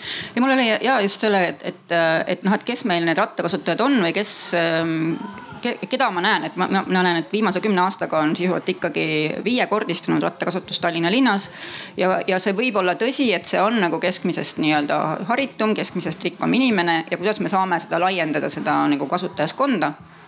Äh, väikelinnades muide on täiesti teine pilt, et see põhiline rattakasutaja on kuuskümmend viis pluss naisterahvas, kes, kes, kellel ongi see ainuke viis kuskile poodi saada aga siis see ongi siis see, see mm, ratta hoidmise küsimus. Ja miks näiteks Tartu rattaringlus on väga hästi õnnestunud, ma arvan, ongi see, et äh, see tekitas võimaluse nende Annelinna kortermajade elanikel Äh, ratast igapäevaselt kasutama hakata, sest muidu puudus selline normaalne ratta hoidmisvõimalus ja selle ringluse rattaga on sul see kuskil lähedal olemas ja sa ei, nii kui sa selle sinna dokki ära paned, siis sa enam ei muretse selle pärast. Ja tegelikult ka Tallinna linnas oleks vaja sellist rattaringlust, et praegu Bolt natukene asendab seda. no ma küsin kõigepealt Ilmarit ja siis Mardi juurde. Ilmar, no teil on mingisugune sada punkti vist laenutuspunkti seal ma kuulsin no,. ma arvan jah, et võib olla küll sinnakanti kanti, et ma tahtsin ka nagu vastata just, et, et see, see rattaringlus on üks võimalus, et need rattamajade rajamine võtab aega. aga rattaringlus on üks kiire lahendus, kuidas, kuidas tõesti noh, need rattad jõuavad igasuguste inimesteni ja kui Tartut, kes on Tartus käinud, siis põhiliselt sõidavad noored inimesed, et üldsegi mitte mingi kõr-, noh, nagu, nagu jõukad või, või mingi noh, et tõepoolest, et kohe, kui on nagu võimalus kasutada nagu vanuse poolest, siis kohe võetakse see ratas ja sõidetakse Mart, jah? ja aitäh, et äh, sa mainisid äh, Anne linna, et äh, nagu ma vestluse alguses rääkisingi, et see olekski kõige paremad projektid oleks täpselt just magalarajoonides nagu ütleme, Tallinnas on Õismäe, seal on täpselt neli poodi. Või on kolm, palju sul on, ma ei tea, vahet ei ole. ja on koolid ja täpselt sul kodumajast poodi, kodumajast kooli ongi täpselt, kas sa lähed jala, rattaga, sul ei ole mingit ühistransporti seal vaja. Ja kui sa ei lähe oma asumist välja siis ta ongi korras ja ongi niimoodi. Aga, ja sama on Lasnamäel, eks ole, Lasnamäe inimesed kõik sõidavad autodega, seal pole parkimiskohti, seal on kogu aeg valimiste aeg, räägitakse jälle, me rajame teile parkimismajad, parkimis need. aga keegi ei räägi sellest, just nimelt siin oleks see rattastrateegia väga sobiv, sest Lasnamäe on poodi täis ja täpselt kõik on põhimõtteliselt sul see viieteist minuti kaugusel. ja muide, seal on ka väga palju jalgrattaid. mitte kesklinnas. Lasnamäel on juba väga hea ratta, ma olen seal käinud ekstra juba sõitmas, sest et ja see on fantastilise rattas, rattateedega. ta ei ole ühendatud poodide ja koolidega seal sa võid kruiisida jah mööda Lasnamäega ringi. aga niimoodi, aga meil on see nii-öelda see pudelikael on meil ikkagi kesklinn ja, ja kuna see on väga paljudele ikkagi sihtkoht nii koolide kui ka äh, töökohtade näol ja teenuste näol, siis äh,, siis rattastrateegias, mille üks autor, kaasautoritest ma ka olin äh,, siis kesklinna ühendamine linnaosadega oli nagu see ikkagi see põhifookus, et see põhiline puudujääk praegu et seni on arendatud ainult seda tervise või sellist pühapäevarattaga liikumist, mis on ka tegelikult täiesti vajalik ja võibki tuua paljusid tegelikult rattakasutuse juurde, et kui ta alustab alles niimoodi pühapäevakasutajana ja siis mingi hetk avastab seda, et oi, et tegelikult mul on tööle kolm kilomeetrit ja miks ma selle autot üldse sealt äh, lumest lahti kraapima hakkan. aga Madle, ma küsin ka ikkagi, miks te ikkagi piinate auto, äh, autosõitjaid? miks te ikkagi tegite need äh, rattad, rattarajad sealt Kalamajast välja, kui sealt niigi välja ei saa ehm, tegime just nimelt, ühesõnaga seal on kaks osa sellel projektil tegelikult, kui me nüüd lähme konkreetselt selle Toompuiestee ja siis äh, selle Kalamajast väljasõidu juurde. et äh, üks osa on äh, tõesti see Toompuiestee ja vanalinna ümbritseva rattateede võrgu jätkuvus, mis on väga oluline tegelikult sellepärast, et Toompuie ühest, Toompuiestee ühendab ära siis Kaarli puiesteed Tehnika tänavat ja jõuab sealt välja tegelikult sinna Kalamaja otsa, pluss siis äh, Merepuiestee. et sellise vanalinna ümbritseva ringina on ta äärmiselt oluline, kui see lõik jääb sinu tee peale äh, ja selles mõttes meie liiklusmodelleerimine, mida tegelikult sellele Kalamaja jupile või sellele nii-öelda väljasõidule Kalamajas ka tehti, ei näidanud, et seal oluliselt äh, midagi muutuks sellega, kuidas inimesed sealt välja saavad. ja vaadates tagasisidet, mulle tundub, et ühtepidi on muutunud võib-olla kõige suurem või nii-öelda muutus, mis ongi juhtunud, on tegelikult muut-, toimunud muutus harjunud trajektoorides. et see ei olnud ju ainult see, et, et ühelt poolt ka nii-öelda keelati ära see siis vasakpööre, vaid teisipidi kogu sellele liiklusele, mis on väga suur ja mis tuleb Kalamajast tagantpoolt, muudeti oluliselt mugavamaks mööda kalarannat tänavat liikumine, mis ongi mõeldud selle tänavana, mis viib liiklust Kalamajast mööda. seal suurendati äh, seda fooritsükli või rohelise tule pikkust, et inimestel oleks mugavam sealt just kesklinna suunduda. ehk Kas... et kui sa Kalamajast tulles võtad suuna kalaranna peale, siis hoobilt tegelikult suund-, lähed sa sellesse äh, kesklinna suunduvasse lainesse. kas see on nüüd püsiv lahendus, et Kalamajas muudetakse neid liikumissuundi iga paari aasta tagant ja kui sotsid enam pole võimul ja EKRE on näiteks võimul, siis muudetakse seda tagasi. see kindlasti tähendab, see tõesti on lahendus, mis on hetkel kõigepealt ellu viidud nii-öelda äh, piloteerimise vormis ta ei ole tee rekonstrueerimine. ehk et selle abil meil ongi võimalik vaadata, mis seal töötab, mis seal ei tööta, kui tundub, et midagi noh, tõesti üldse tegelikult ei, ei täida seda eesmärki, mis meil seatud on. me saame seda muuta, me ei ole seda veel mingisuguse üheksa miljoni eest äh, välja ehitanud. ja kindlasti selles mõttes, mida tuleb arvestada, võttes arvesse ka neid ehitusmahtusid, mida Põhja-Tallinnasse planeeritakse. et elanikke sinna tuleb juurde, mis tähendab seda, et, et see ruumi kitsikuse küsimus muutub meil aina olulisemaks. ja olulisemaks just see, et, et kuidas tegelikult need inimesed liikuma saada ja liikuma saada just teistel viisidel, mis ei ole auto, nii-öelda isiklik auto, mis lihtsalt on väga ruumimahukas. ja see ruumimahukus ongi tegelikult ju peamine küsimus, mis meil lahendada tuleb, et kuidas sellesse olemasolevasse kitsukasse ruumi me tegelikult kõik ära mahume. mulle väga-väga-väga meeldib, et äh, Martin äh, nagu, me räägime sama keelt sinuga rääkides viieteist minuti linnast. see on väga oluline ja ka see on Tallinna linna planeerimise üks põhiprintsiipe ehk et tuua kõik lasteaiad, koolid, poed, põhiteenused inimestele lähedale. paratamatult tõesti jääb see ka, et, et inimestel on linnaosade vahel vaja liikuda. Need on erinevad, isegi linnaosade sees, need võivad olla nagu pikemad distantsid.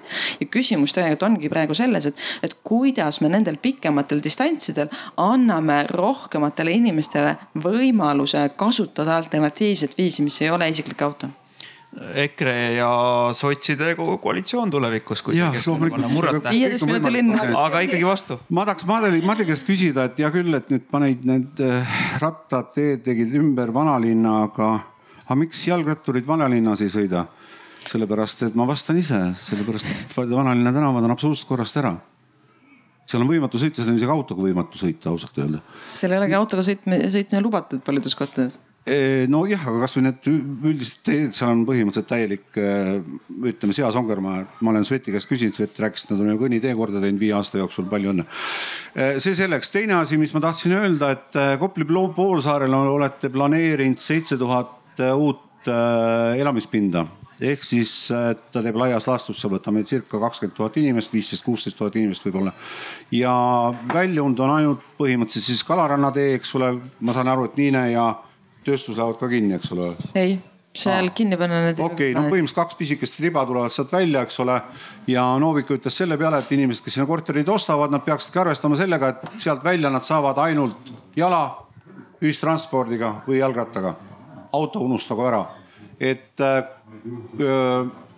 jah, ma tahaks näha seda projekti kuidas see käima hakkab teil, et, et ja inimesed, kinnisvaraarendajad, kusjuures jätavad selle targu mainimata, et, et, et sinna autoga ei ole mõtet minna sinna parkimiskohti ei tule ega eh, isegi. see, see on väga oluline küsimus, Põhja-Tallinna liikuvus eh, ja praegu on eh, avalikustamisel veel jätkuvalt Põhja-Tallinna üldplaneering, mis tegelikult näeb sinna ette ka uute rööbastranspordi trasside rajamise.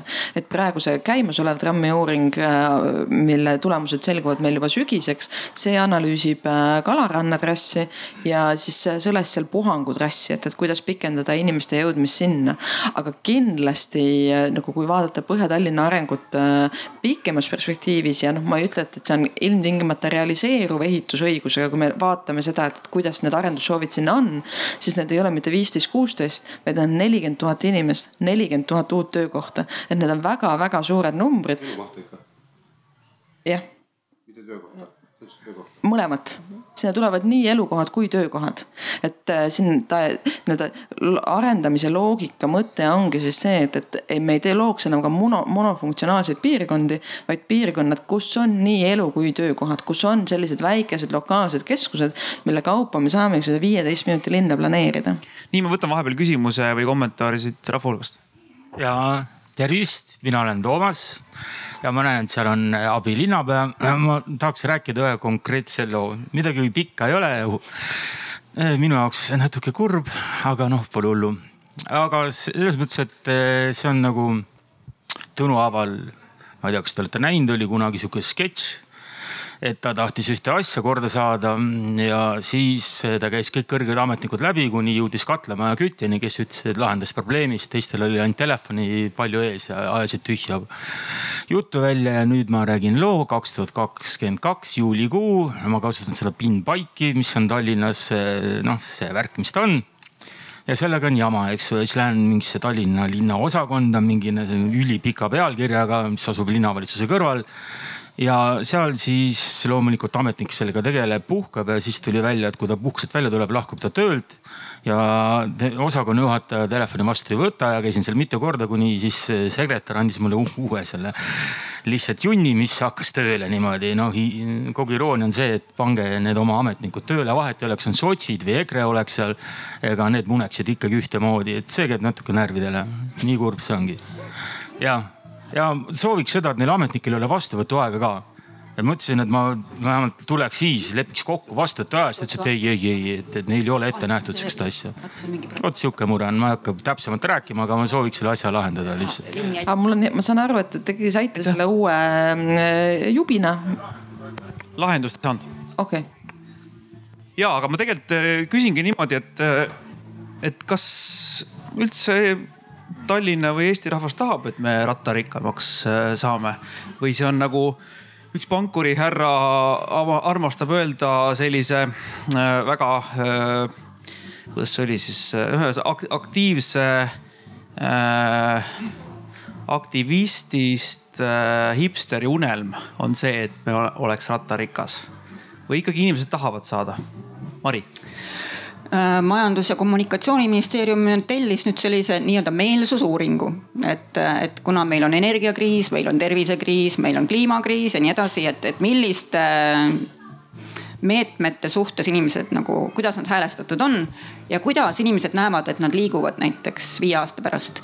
ja sealt nagu küsitlusest tuli välja see, et jah, et inimesed näevad, et nad, et ilmselt nad oma autokasutust ei vähenda, aga sealt tuli selgelt välja, et jah, et inimesed liiguvad rohkem jalgrattaga ja, ja, ja tõuksidega ja kogu nende kergliikuritega, et ähm, et kui luua tingimused, siis äh, inimesed ka kasutavad, et see on väga selge, see ei ole see, et, et ähm, me ei planeeri ju näiteks äh, autosilda või rongisilda sellest, et me vaatame, mitu autot sealt üle jõe lähevad, vaid et kui me tahame, et mingit ühendust luua, siis me ei oota enne, et enne need ratturid tekiks ja siis hakkame alles ehitama, vaid et see on nagu väga selge nagu järjekord, et enne liikumistingimused ja siis tulevad ka inimesed sinna järgi. ehk siis ikkagi see on poliitilise tahte küsimus puhtalt ja praegu hetkel tundub, et väga, et, et, et tartlased ütlesid, et Tallinn teeb äh, Tartule ära, et Tallinn, Tallinnas on õiged inimesed võimul või?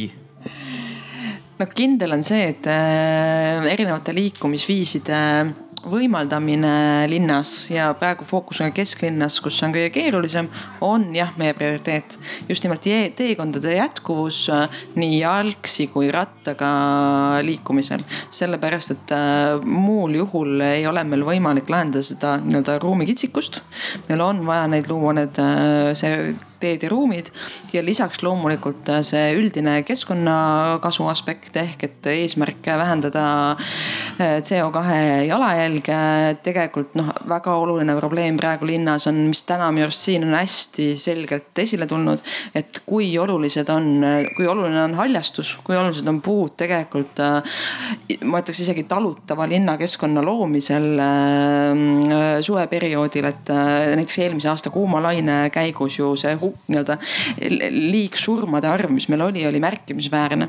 et see tänavaruumi mõtestamine just selleks, et linnad püsiksid ela, elatavad, on väga oluline, mis tähendab seda, et me peame selle tõsiselt ette võtma ja seda tõesti, jah, me oleme Tallinnas praegu ette võtnud. ma küsin sellist asja, et okei okay,, et teeme rattateid, ma ei tea, teeme rattaringlusega Tallinnasse, ma ei tea, kas see on, oleks, oleks teema inimesed lähevad rataste peale, nad ei oska ju sõita, et äh, hakkavad sagenema õnnetused, äh, sõidavad autodega kokku, no rääkimata praegu siin tõuksidest, eks ju kuidas seda kultuuri, seda harjumust, neid oskusi üldse tekitada, kus, kus me nagu sellega pihta hakkame? Ilmar võib-olla siin ka nagu täpsustab, sa oled ju jalgrattakoolitaja, eks ju? jah, väikest viisi. aga no ma arvan, et see tuleb ikkagi tagasi selle, selle rattateede, rattainfrastruktuuri juurde, et, et Tartus on nagu väga selgelt näha, et, et tuli küll rattaringlus, aga kus need inimesed sõitma hakkasid, oli valdavalt kõnniteede peal. et, et lihtsalt nad tundsid et sõidutee peal ei ole piisavalt turvaline, noh, et ja oli see harjumus ka sees, et, et kõnniteede peal nagu et politsei ära ei aja, et, et võib sõita küll. et, ähm, et mina ei ütleks, et, et nüüd kuidagi jalgratturid, et ma, ma üldse ei tahaks nagu lahterdada, et kuna ma ise olen jalakäija, jalgrattur, autojuht, noh, et ma ei mõtle endast, et kui mina olen jalgrattur või et ma nüüd, kui ma jalgrattur olen, et siis ma käitun kuidagi liikluses teistmoodi ja kui ma olen autojuht, siis ma käitun teistmoodi, et noh, ma arvan, et need on ühed samad inimesed kõik, et kes vahest sõidavad autoga, vahest on jala, vahest on ratta seljas. et lihtsalt, et nagu Mari ka välja tõi, et, et kui autojuhina kõik on lihtne ja selge sul on foorid, sul on rajad, kõik on noh, sa tead, kuhu sa pead minema, siis jalgratta seljas ka mina, kui ma linnas liigun, satun kimbatu, kimbatusse aeg-ajalt, et kuskil lõpeb ära, siis mõtlen, kas ma lähen sinna neljarajalisele sõidutee peale sõitma või, või mida ma nüüd pean tegema, kas ma rikun seadust ja lähen kõnnitee peale. noh, reeglina ma ei tee seda, siis ma lähen ikka sõidutee peale, aga ma saan aru, et miks inimesed ei taha minna sinna et, et see probleem on tegelikult selles, selles ruumis ja ma just käisin eelmine nädal olin Kopenhaagenis, väga selgelt on näha kui sul on ilusti eraldatud ruum jalgratturite jaoks väga mõnus, kõik lapsed, vanurid, kõik sõidavad seal, mingit probleemi ei ole, sest nad tunnevad ennast turvaliselt. kõik teavad, autojuhid teavad, kus nemad on, jalgratturid teavad, kus nemad on, jalakäijad teavad, kus nemad on, et. et Tartus meil on tõesti tekkinud selle, selle kõnniteede peal just jalakäija ja ratta vahel neid konflikte ja ma saan täiesti aru, et see on nagu jalakäijate jaoks suur probleem ja, ja, ja õigustatult. Ja, ja tegelikult noh ka jalakäijate ja. pärast on meil vaja seda jalgratta infrastruktuuri. ja Mart, kas ei ole siis niimoodi, et kui ikkagi osad inimesed lähevad äh, jalgrataste peale, siis jääb ju autodele linnas rohkem ruumi, see tähendab, et on äh, vähem ummikuid ehm.? tähendab, ma tahaks eelmise jutu juurde tagasi natuke tulla, et äh, siin käis jutt, et autod pressivad nagu jalgratturid kõnniteele ja siis jalgratturid nagu tugevama õigusega lähevad, pressivad siis kõnniteel, kõndivad jalakäijad kuhu. ja siin käis just publiku hulgast oli ka täpselt selle lume koristamisega, et see on nagu lõputu jada, eks ole. et minu nägemus oleks pigem see, et, et noh, see on kulunud fraas juba, eks ole, et ärme hakka pintsakut tõmblema nööbi, nööbi külge, aga hakkame pintsakust peale, eks ole. et kogu see linna planeerimine peaks ju käima tegelikult äh, ma ei tea, kõik äh, ratta, ütleme entusiastid toovad alati näiteks Kopenhaagenit. jah, Kopenhaagenis on juba, ma pakun välja isegi, ma nägin ühte saadet Rootsi televisioonist, eks ole, kus oli neljakümnendast aastasest pilt Kopenhaagenist, seal oli sadu, kui mitte tuhandeid jalgrattaid sõitis ringi. aga kahjuks meie lähiümbruses Stockholmis ja Helsingis sellist asja ei ole ma elasin kümme aastat Rootsis, üheksakümmend kaks kuni kaks tuhat ja ma mäletan, linnavalitsusse tuli üks äh, ma oletan, et oli sotsiaaldemokraat ja oli ka sama entusiastlik nagu Madle. ja ta otsustas siis tunnelitesse ja viaduktidele, mis ühendavad linnasid, otsustas ka rattarajad rajada, joonistada maha lihtsalt sinna. ja ratturid ja rattaliidud ja kõik need äh, sõitsid talle ise peale, ütlesid, et mis sa teed hulluks, tappa tahad meid või et see on ju autode rada, eks ole, ja Tallinnas peaks olema täpselt samuti. linnaosad peaksid olema kuidagi ühendatud teise teega, on see siis tunnel, viadukt või mis iganes. või nagu meie pakkusime näiteks kohalike omavalitsuste valimistel välja äh,. inimesed naeravad, aga tegelikult Kesk-Euroopas, äh, arenenud Kesk-Euroopas, Šveits, Itaalia, Saksamaa ja Itaalias on see täiesti, eelmisel aastal alustati põhimõtteliselt uuringuid ja katsetusi, on äh, õhutramm, mis tõstaks põhimõtteliselt kogu transpordi maast lahti, seepärast et kui meil maa peal jääb ruumi vähe, väheseks, siis meil on võimalus kas minna õhku või maa alla. maa alla on kolm korda kallim minna kui õhku ja need õhutrammid on katsetatud mäe, mäestiku tingimustes ja luuakse juba täiesti lauskmaa linnadele ühistranspordi ühe osana neid vaguneid ja kogu süsteemi, see on rope taksi, kui vaatad X-iga taksi on näiteks niisugune kodulehekülg olemas, kus te näete, kus põhimõtteliselt on võimalik erinevad institutsioonid ja kõik väga lihtsate lahendustega ühendada ja maas jääks ruumi absoluutselt kõigile jalgratturitele, jalakäijatele, lumesahkadele, autodele. autost pole vajagi siis, sellepärast et ütleme, seal jaamas tuleks maha äh,, tuled sealt õhutrammi pealt tuled maha seal on isesõitev auto, sul sõidab su asumi sisse või on seal tõuks või on sul elektrijalgratas või mis iganes ja sa liigudki sellega seal ja ütleme niimoodi, et autosõit oleks vaja kas siis tõesti operatiivsõidukitele, kaubaveoks või elementaarsetele asjadele, mis vaja. väga ilus tulevik, Madle miks te ei tee siis õhutrammi? me läheme rat-, me läheme ratastest liiga kaugele, aga no, väike kommentaar, ma küsin. volikogu esimees pidi laua alla kukkuma, kui ma õhutramm nimetasin. kas ma vastan õhutrammi küsimusele või? no väga lühidalt, aga kus rattad võiksid ka seal mängus olla see õhutrammi, noh ei, tähendab põhimõtteliselt printsiibis miks mitte, seal tuleb analüüsida jälle seda veovõimet on ju, või tähendab siis, kas on neid inimesi, et kus, kuhu me neid vedada tahame, see on vaieldamatult suur investeering. ja mis Tallinna puhul tegelikult on suur probleem, on see, et meil on teede rekonstrueerimise võlg niivõrd suur, et äh, noh, loomulikult, kui tulevad uued innovatsioonid, neid rakendada, aga see nii-öelda õhutramm on lihtsalt nii suur, et kui me seda hakkame tegema, siis me võime kõik teede remondid mõneks ajaks ära unustada.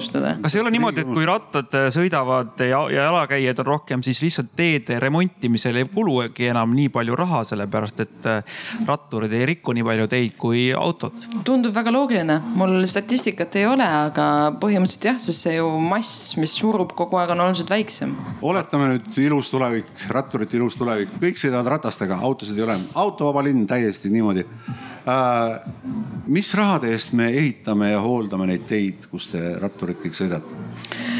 Jah, on erinevaid makse ju, äh, millest rahastatakse tegelikult nii riigi kui omavalitsuse tegemisi. see ei ole üldse mitte ainult kütuseaktsiis, et äh, Eestis ei ole sellist seost, et kütuseaktsiis läheks otse teedesse. et see ümberjagamine toimub palju nagu laiemalt ja palju üldisemalt. ma räägin üldse on... majanduse toimimisest, eks ole, et äh, rattaga betooni ei vea. Te tahate ehitada aga... suurt ERR-i maja, klaasmonstrumit, samas panete, teete selle tänava, kus te seda ehitada tahate, panete põhimõtteliselt kaherealiseks, seal hakkavad käima suured veoautod seisma, pori, kõik nii edasi. Ma ei tea, ma ei saa teie plaanidest aru absoluutselt. Ja see, mis sa räägid siin modelleerimisest äh,. abilinnapea käis meile rääkimas spetsiaalselt liiklussimulaatorist, mida me oleme kaks korda küsinud arupärimises, millal see tuleb meie nägemus oli, et see tuleb kuskilt Lääne-Euroopast, osteti Moskvast, osteti poole odavam.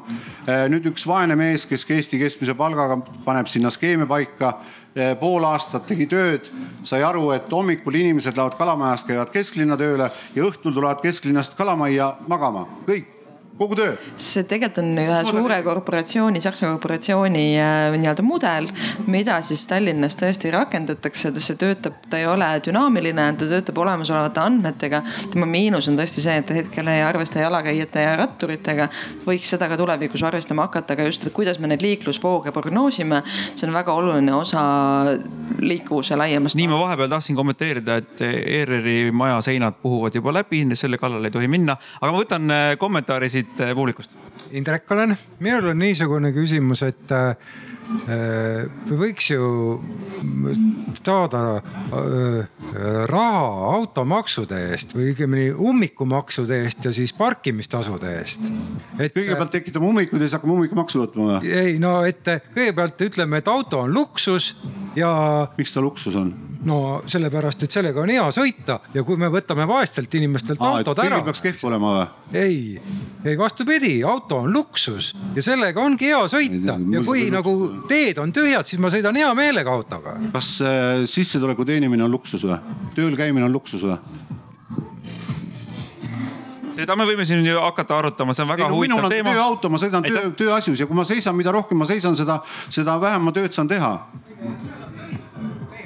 ei no mis luksus. nii, aga, aga ma saan aru, et Madle rääkis juba, et me teeme puhta õhuga piirkonnad ju Tallinna linna.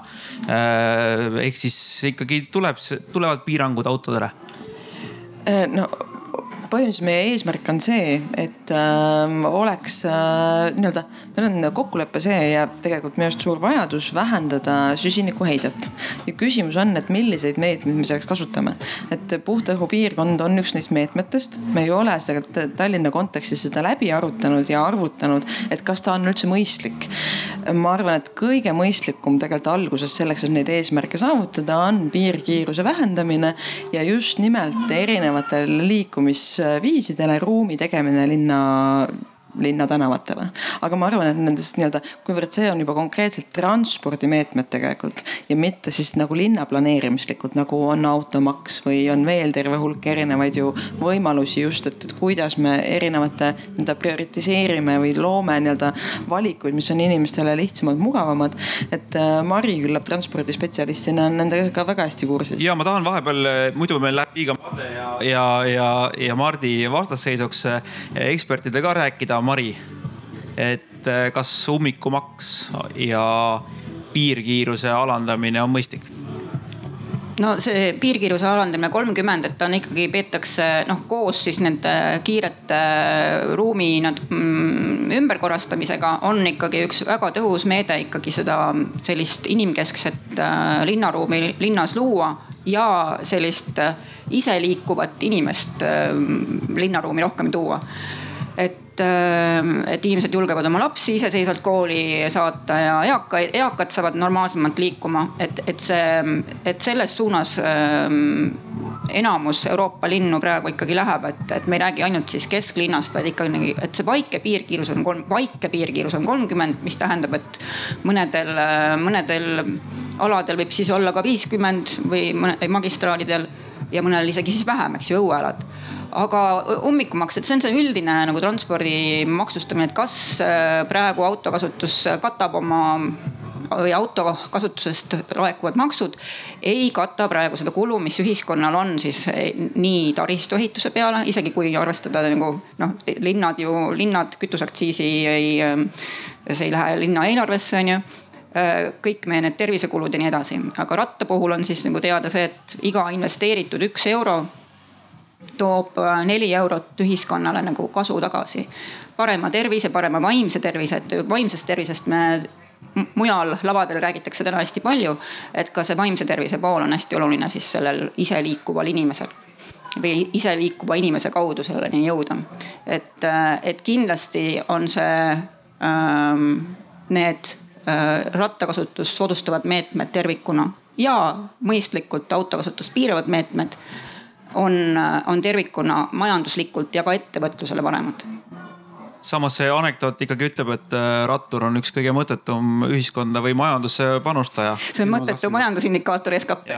ma just sinna tahtsingi öelda, et ehk siis äh, ma kordan ennast veel, et ma olen sada protsenti kindel et, et äh, üheksakümmend üheksa protsenti autodest ei kruiisi niisama linna peal. ma tean, et jalgratturid kruiisivad, ehk siis äh, inimesed käivad tööl, teevad tööl, ajavad asju ja maksavad makse ja toodavad ühiskondlikku huve, see ainult kütuseaktsiis. nii, ja nüüd me kehtestame siis ühele grupile ühiskonnast, sellepärast et keegi arvab nii ummiku, kõigepealt tekitame ummikud, siis tekitame ummikumaksu ja maksustame selleks, et jalgratturid saaksid rahulikult kruiisida ehitame selle raha arvelt siis põhimõtteliselt infrastruktuuri. et inimesed tööle jõuaks, sellepärast on hommikumaks. no autojuhid käivad ka tööl täpselt. no jaa, aga see ongi sellepärast, et ka autojuhid jõuaks tööle, sest kui ei ole hommikut, siis on lihtsam jõuda tööle, siis. autojuhid jõuad... ei ole üks ühtlane all mass. erinevad ja. inimesed, erinevate käitumismudelitega, erinevad töökohad, mis iganes, kõik aga kas see, kas ei ole niimoodi, et ikkagi enamik nendest, kes ummikusse lähevad, on need, kes pargivad oma auto sinna kesklinna parkimismajja eh, üheksaks tunniks ja siis lähevad eh, sinna äärelinna tagasi? ma arvan, et kontoriinimestel ei ole üldse autot linnas vaja. Absoluutselt, näiteks ma toon oma perest näite. tütar nüüd sai magistrikraadi ja kui ta käis koolis, tööl ja trennis, siis tal oli autot vaja nüüd ta käib, põhimõtteliselt on ta oma aja planeerinud niimoodi, et ta käib trennis peale tööd, nii et tööle ta läheb ühistranspordiga ja trenni siis ta võtab auto ja siis läheb trenni Mustamäe sinna Tallinna Tehnikaülikooli spordihoonesse. et äh, selles suhtes kõik elu paneb asjad paika, aga lihtsalt kui sa oled äh, aktiivne inimene, siis ma leian, et rattaga ei saa mitte kuhugi Ilmar. et ma samamoodi tahaks öelda, et jalgratturid ei ole mingi ühtlane hall mass ja, ja võib-olla Tallinnas on neid inimesi, kes kruiisivad, aga noh, need jalgratturid, keda mina tunnen Tartus, ei kruiisi reeglina, vaid lähevad tööle, kooli, spordisaali, jõe äärde, mis iganes nad siis teevad, aga, aga võib-olla suvel tõepoolest on neid koolilapsi, kes kruiisivad õhtuti ringi, aga meie üldiselt noh, kui me praegu räägime nagu sellest transpordikorraldusest, sest siis me ei räägi ju nendest autojuhtidest, kes kruiisivad ja nendest jalgratturitest, kes kruiisivad, et, et jääme ikkagi selle juurde, et, et need inimesed, kes kasutavad igapäevaliikumiseks jalgratast, on täpselt samaväärsed kui need, kes autot kasutavad. absoluutselt et... nõus ja ütleme niimoodi, jalgratturid, kes peavad kinni liikluseeskirjadest, kokku lepitud liikluseeskirjadest, müts maha alati, kui inimene tuleb näiteks reguleerimata ülekäigurajal, tuleb ratta seljast maha, läheb üle tee, ma näitan talle niimoodi saada nõu musigi teinekord. mina, mina kahjuks seda ei tee. müts, ausalt, suur austus. mina kahjuks seda ei tee ja, ja mul on, minul on jälle suur austus nende autojuhtide vastu, kes ka liiklusreeglitest kinni peavad. ja ma pean ütlema, et Tartus on neid üsna vähe, kui rääkida kiirusepiirangutest. suunda näitad või? mina näitan alati suunda, jah.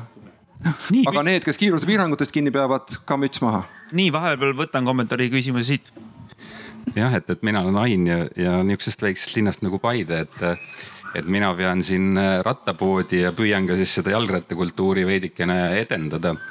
et äh, me sõidame, noh suve läbi sõidame nihuke lihtsalt, et kõik, kes tahavad, tulevad näiteks kolmapäeviti õhtul tund aega mööda Paide linna, eks ole, et. et ja, ja noh, kui ma vaatan ka nagu siin äh, lava peal seda arutelu, siis kõige suurem nagu probleem, mida ma ka nagu liikluses näen ja mida ma ka siin näen, on suhtumises. et nii nagu ma arvan, et et kui peresse võetakse mingi lemmikloom, siis sellega nagu tekitatakse olukord, kus äh, see laps, kes seal peres üles kasvab, ei lähe võib-olla lööma seda kassi või koera, eks ole, et nii võiks olla ka jalgrattaga. et kui sul peres on või sul endal on jalgratas ja su lastel on jalgratas, siis sa nagu, sa nagu liikluses mõistad neid. et kui ma nagu vaatan siin seda, seda seltskonda lava peal, siis siis noh, ma, ma kujutan ette endale nagu sel, et, et neid inimesi siis nagu autoroolis ja mina nagu ratta peal või mõni laps ratta peal, et mismoodi nad võiksid siis nagu äh, reageerida selles olukorras, kui see laps või, või mina või keegi siis peaks natukene eksima, eks ole, et ehk siis ma arvan, et, et noh, me peaksime nagu kõik sinna ära mahtuma, et jalgratas on olnud ja ta jääb ja, ja ta on nagu jätkusuutlik liikumisviis, eks ole, on ju, et et, et, et ja kui me nüüd sõidamegi siin Paides, kus kuskil, kuskil on teeületus, eks ole, kus ei ole jalg või ütleme ülekäigurada ja siis äh, tuleb mingi viisteist ratturit näiteks ja siis tulebki nagu siin välja tuleb üks mingisugune härrasmees, kes siis teeb tööd, eks ole, ja. ja ta peab nüüd seisma jääma ja ootama, onju, et ja siis viibutab ta ja, ja mida kõike ta teeb seal, eks ole. ära pane mulle sõnu suhu, palun. et, et ei, ma räägin, ma räägin nagu olukorda, mida me kogeme, eks ole, onju. Ja mida ma nagu täna siin vaadates ja kuulates, ma räägin olukorrast eks ju. ja, ja, ja, ja ma tahangi öelda, et siin on küsimus suhtumises. ma ei kuule teie jutust mitte ühtegi lahendust. ma kuulen ainult igasuguseid lugusid sellest, kuidasmoodi keegi teeb tööd ja ma ei naeruvääristaks nagu ühtegi liikumisviisi nagu selles mõttes, et aga me püüame ju nagu leida olukorda või lahendust, et me mahuksime sinna kõik ära. ja, ja see, kui me nagu tõesti kruiisime siin rinna vahel või võtan ka mina nagu teinekord ratta kaasa ja tulen Tallinnasse, siis ma tulengi ja kruiisingi seal ja ma kruiisingi seal kesklinnas onju. ja ma, ma lihtsalt tulen ja külastan seda linna, eks ole, onju. et, et noh, seda mõistmist oleks nagu eelkõige vaja. no ma vaatan, te mind absoluutselt ei mõistnud. aitäh. jah, aitäh.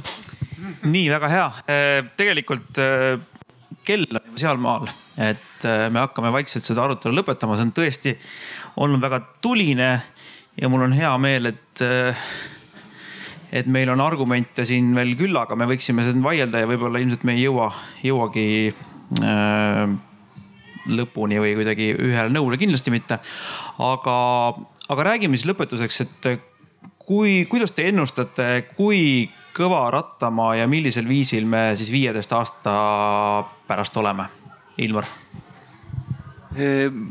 minul on küll noh lootust, et, et need plaanid, mis äh, nii Tartus kui Tallinnas on tehtud ja noh, ilmselt ma ei tea nagu teiste linnade kohta, aga ilmselt nad tulevad ka järgi. Äh, ma ei tea näiteks Pärnu, et kas Pärnul on jalgrattastrateegia või mitte, aga, aga äh, ma ei näe praegu, et need ei, ei viidaks ellu ja sellepärast ma arvan, et viieteist aasta pärast me oleme no palju-palju kaugemal, kui me täna oleme just tänu selle infrastruktuuri ehitusele, et, et Tartus ma arvan küll, et meil on korralikud jalgrattateed selleks ajaks olemas ja, ja ma arvan, et, et me kindlasti kahekordistame jalgrattakasutust. kuidas on ummikutega?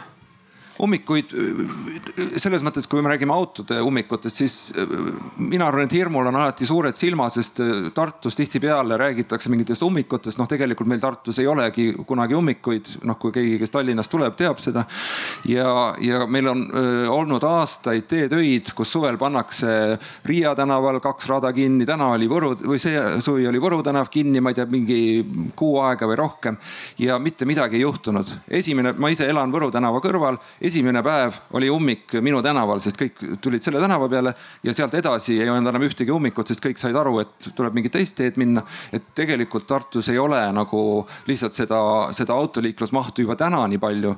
et ja kui me suurendame jalgrattakasutust ja, ja tõukside ja kõikide muude liikumisviiside kasutust, siis ma ei näe, et kust see, see autoliiklus saab kasvada, et me oleme arvanud, noh, eks ole, kogu aeg, viimane kolmkümmend, nelikümmend aastat, et autoliiklus kogu aeg nagu kasvab. aga nüüd me oleme selles olukorras, kus linnavalitsus omavalitsus ise planeerib seda, et autoliiklus kahaneb. Ja see on väga õige suund, et me peamegi seda, seda võtma. Ja see, ma arvan, et see tuleb. Madle, viieteist aasta pärast. Ähm, ma arvan, et viie kõige rikkama riigi hulgas me ilmselt ei ole, sellepärast et äh, me oleme lihtsalt äh, niivõrd palju maad on meil sinnani minna aga samamoodi nagu Ilmar, et kui me liigume sama tublilt edasi, nagu me praegu oleme liikuma hakanud. et äh, Tallinnas tõesti me selle fookuse rattateedele oleme võtnud. Äh, lisaks sellele tegelikult, mida me täna siin üldse ei ole puudutanud väga, on olulised need lisameetmed, mida me samuti Tallinnas väga jõuliselt juurutada proovime. või noh, juurutamegi tegelikult on täpselt see, et, et sul oleks ratas kuskile panna, rattamajad, et sul oleks ratast kuskil hoida ehk rattahoidikud. praegu näiteks, mis on Tallinnas võimalik teha ka alates sellest aastast, on see, et, et nendele lastele, kes teevad koolis rattajuhiload Nad saavad taotleda toetust ratta ostmiseks ehk et just see ligipääs rattale oleks palju lihtsam et kui me kõik need nii-öelda meetmed äh, jätku nii-öelda järjepidevalt neid ellu viime, siis tegelikult see võimalus jõuda rattarikkaks riigiks on minu arust meil täiesti olemas. Äh, Mart, vahepeal. ahah, okei okay tähendab, ega tsivilisatsiooni kulgu ei, ei saa peatada, et see on selge ja kui see on määratud, et ta on ratastega tulevik, siis, siis nii ta on, ega midagi teha ei ole, aga minu soov oleks kindlasti, et, et me hetkel mahuksime kõik rahulikult linnaruumi ära täidaksime kokkulepitud reegleid ehk siis liikluseeskirju, mis eriti tõukside puhul ja kasjuures ka teie märgistuse puhul. see avarii, mis ma vestluse alguses rääkisin, toimus niimoodi, et tõuks tuli rannavärava teelt mis on ühesuunaline. Te olete maha joonistanud sinna kahesuunalise ja samas autod seisavad seal ja ma pole elu sees neljakümne aasta juhti kogemuse juures, ma ei ole elu sees vaadanud sinna paremale. ja et, et me mahuksime ära ja, ja kõik otsused tehakse mõistlikult ja loodame, et kõik absoluutselt täidavad reegleid, nii autojuhid, jalgratturid, jalakäijad kui ka tõuksimehed. ja Mari lõpetuseks mina kujutan ette, et meil on viieteist aasta pärast vähemalt viis korda rohkem rattakasutajaid, iga, igapäevaseid tööle liikujaid. Ja, ja meil on juba nii palju häid näiteid Eestist. Ja ma võin ka selle näiteks selle laagrikooli näite tuua, kus äh, laagrikooli tavalise, ei ole mingi üritus, tavalise koolipäeva mm, hommikul loendavad äh, seal õpetajad ja, ja lapsevanemad kolmsada kaheksakümmend jalgratast, et äh, tuhandest, ähm, tuhandest õpilasest siis äh, selline. Ja te, ja ka paljudes äh, Tallinna koolides on tegelikult sellist, seda näha. Ja ma ise, ise kogen seda ka aasta-aastalt, et, et ähm, on neid aastaringseid sõitjaid rohkem see lasteaed, kus mu lapsed käisid lasteaias ähm, nüüd juba siis kümmekond aastat tagasi Äh, varem olin ma ainukene inimene, kes, kes lapsi saatis rattaga äh, lasteaeda, ise tööle edasi läks. nüüd ma näen hommikuti seal kümme, kümmet, kahtekümmet jalgratast ukse taga. lapsevanemate jalgrattad, kes jätkavad oma teekonda äh, jalgratta peal. on võimalik ja, ja mina loodan ka, et ma, kui ma kaks tuhat üheksa esimest korda hakkasin Tallinnas rattaga sõitma, siis äh, näidati mind, mulle rusikat väga paljudes kohtades. kaks tuhat üheksateist, kui ma hakkasin igapäevaselt sõitma, siis ma olin tõesti see üksik friik, kes seal äh, talvel sõitis. ja loodetavasti viieteist aasta pärast äh, ma saan tervitada ka paljusid rohkem rattureid. ja ma ei pea enam raadiouudistest ainult kuulama kell viis ummikuuudiseid vaid äh, neid ummikuid on palju-palju vähem ja võib-olla on rattaummikud hoopis. igatahes äh, ma arvan, et äh, teeme meie arutlejatele suure aplausi, aitäh tõesti selle arutluse eest, aitäh. selge see, et ega kõike teha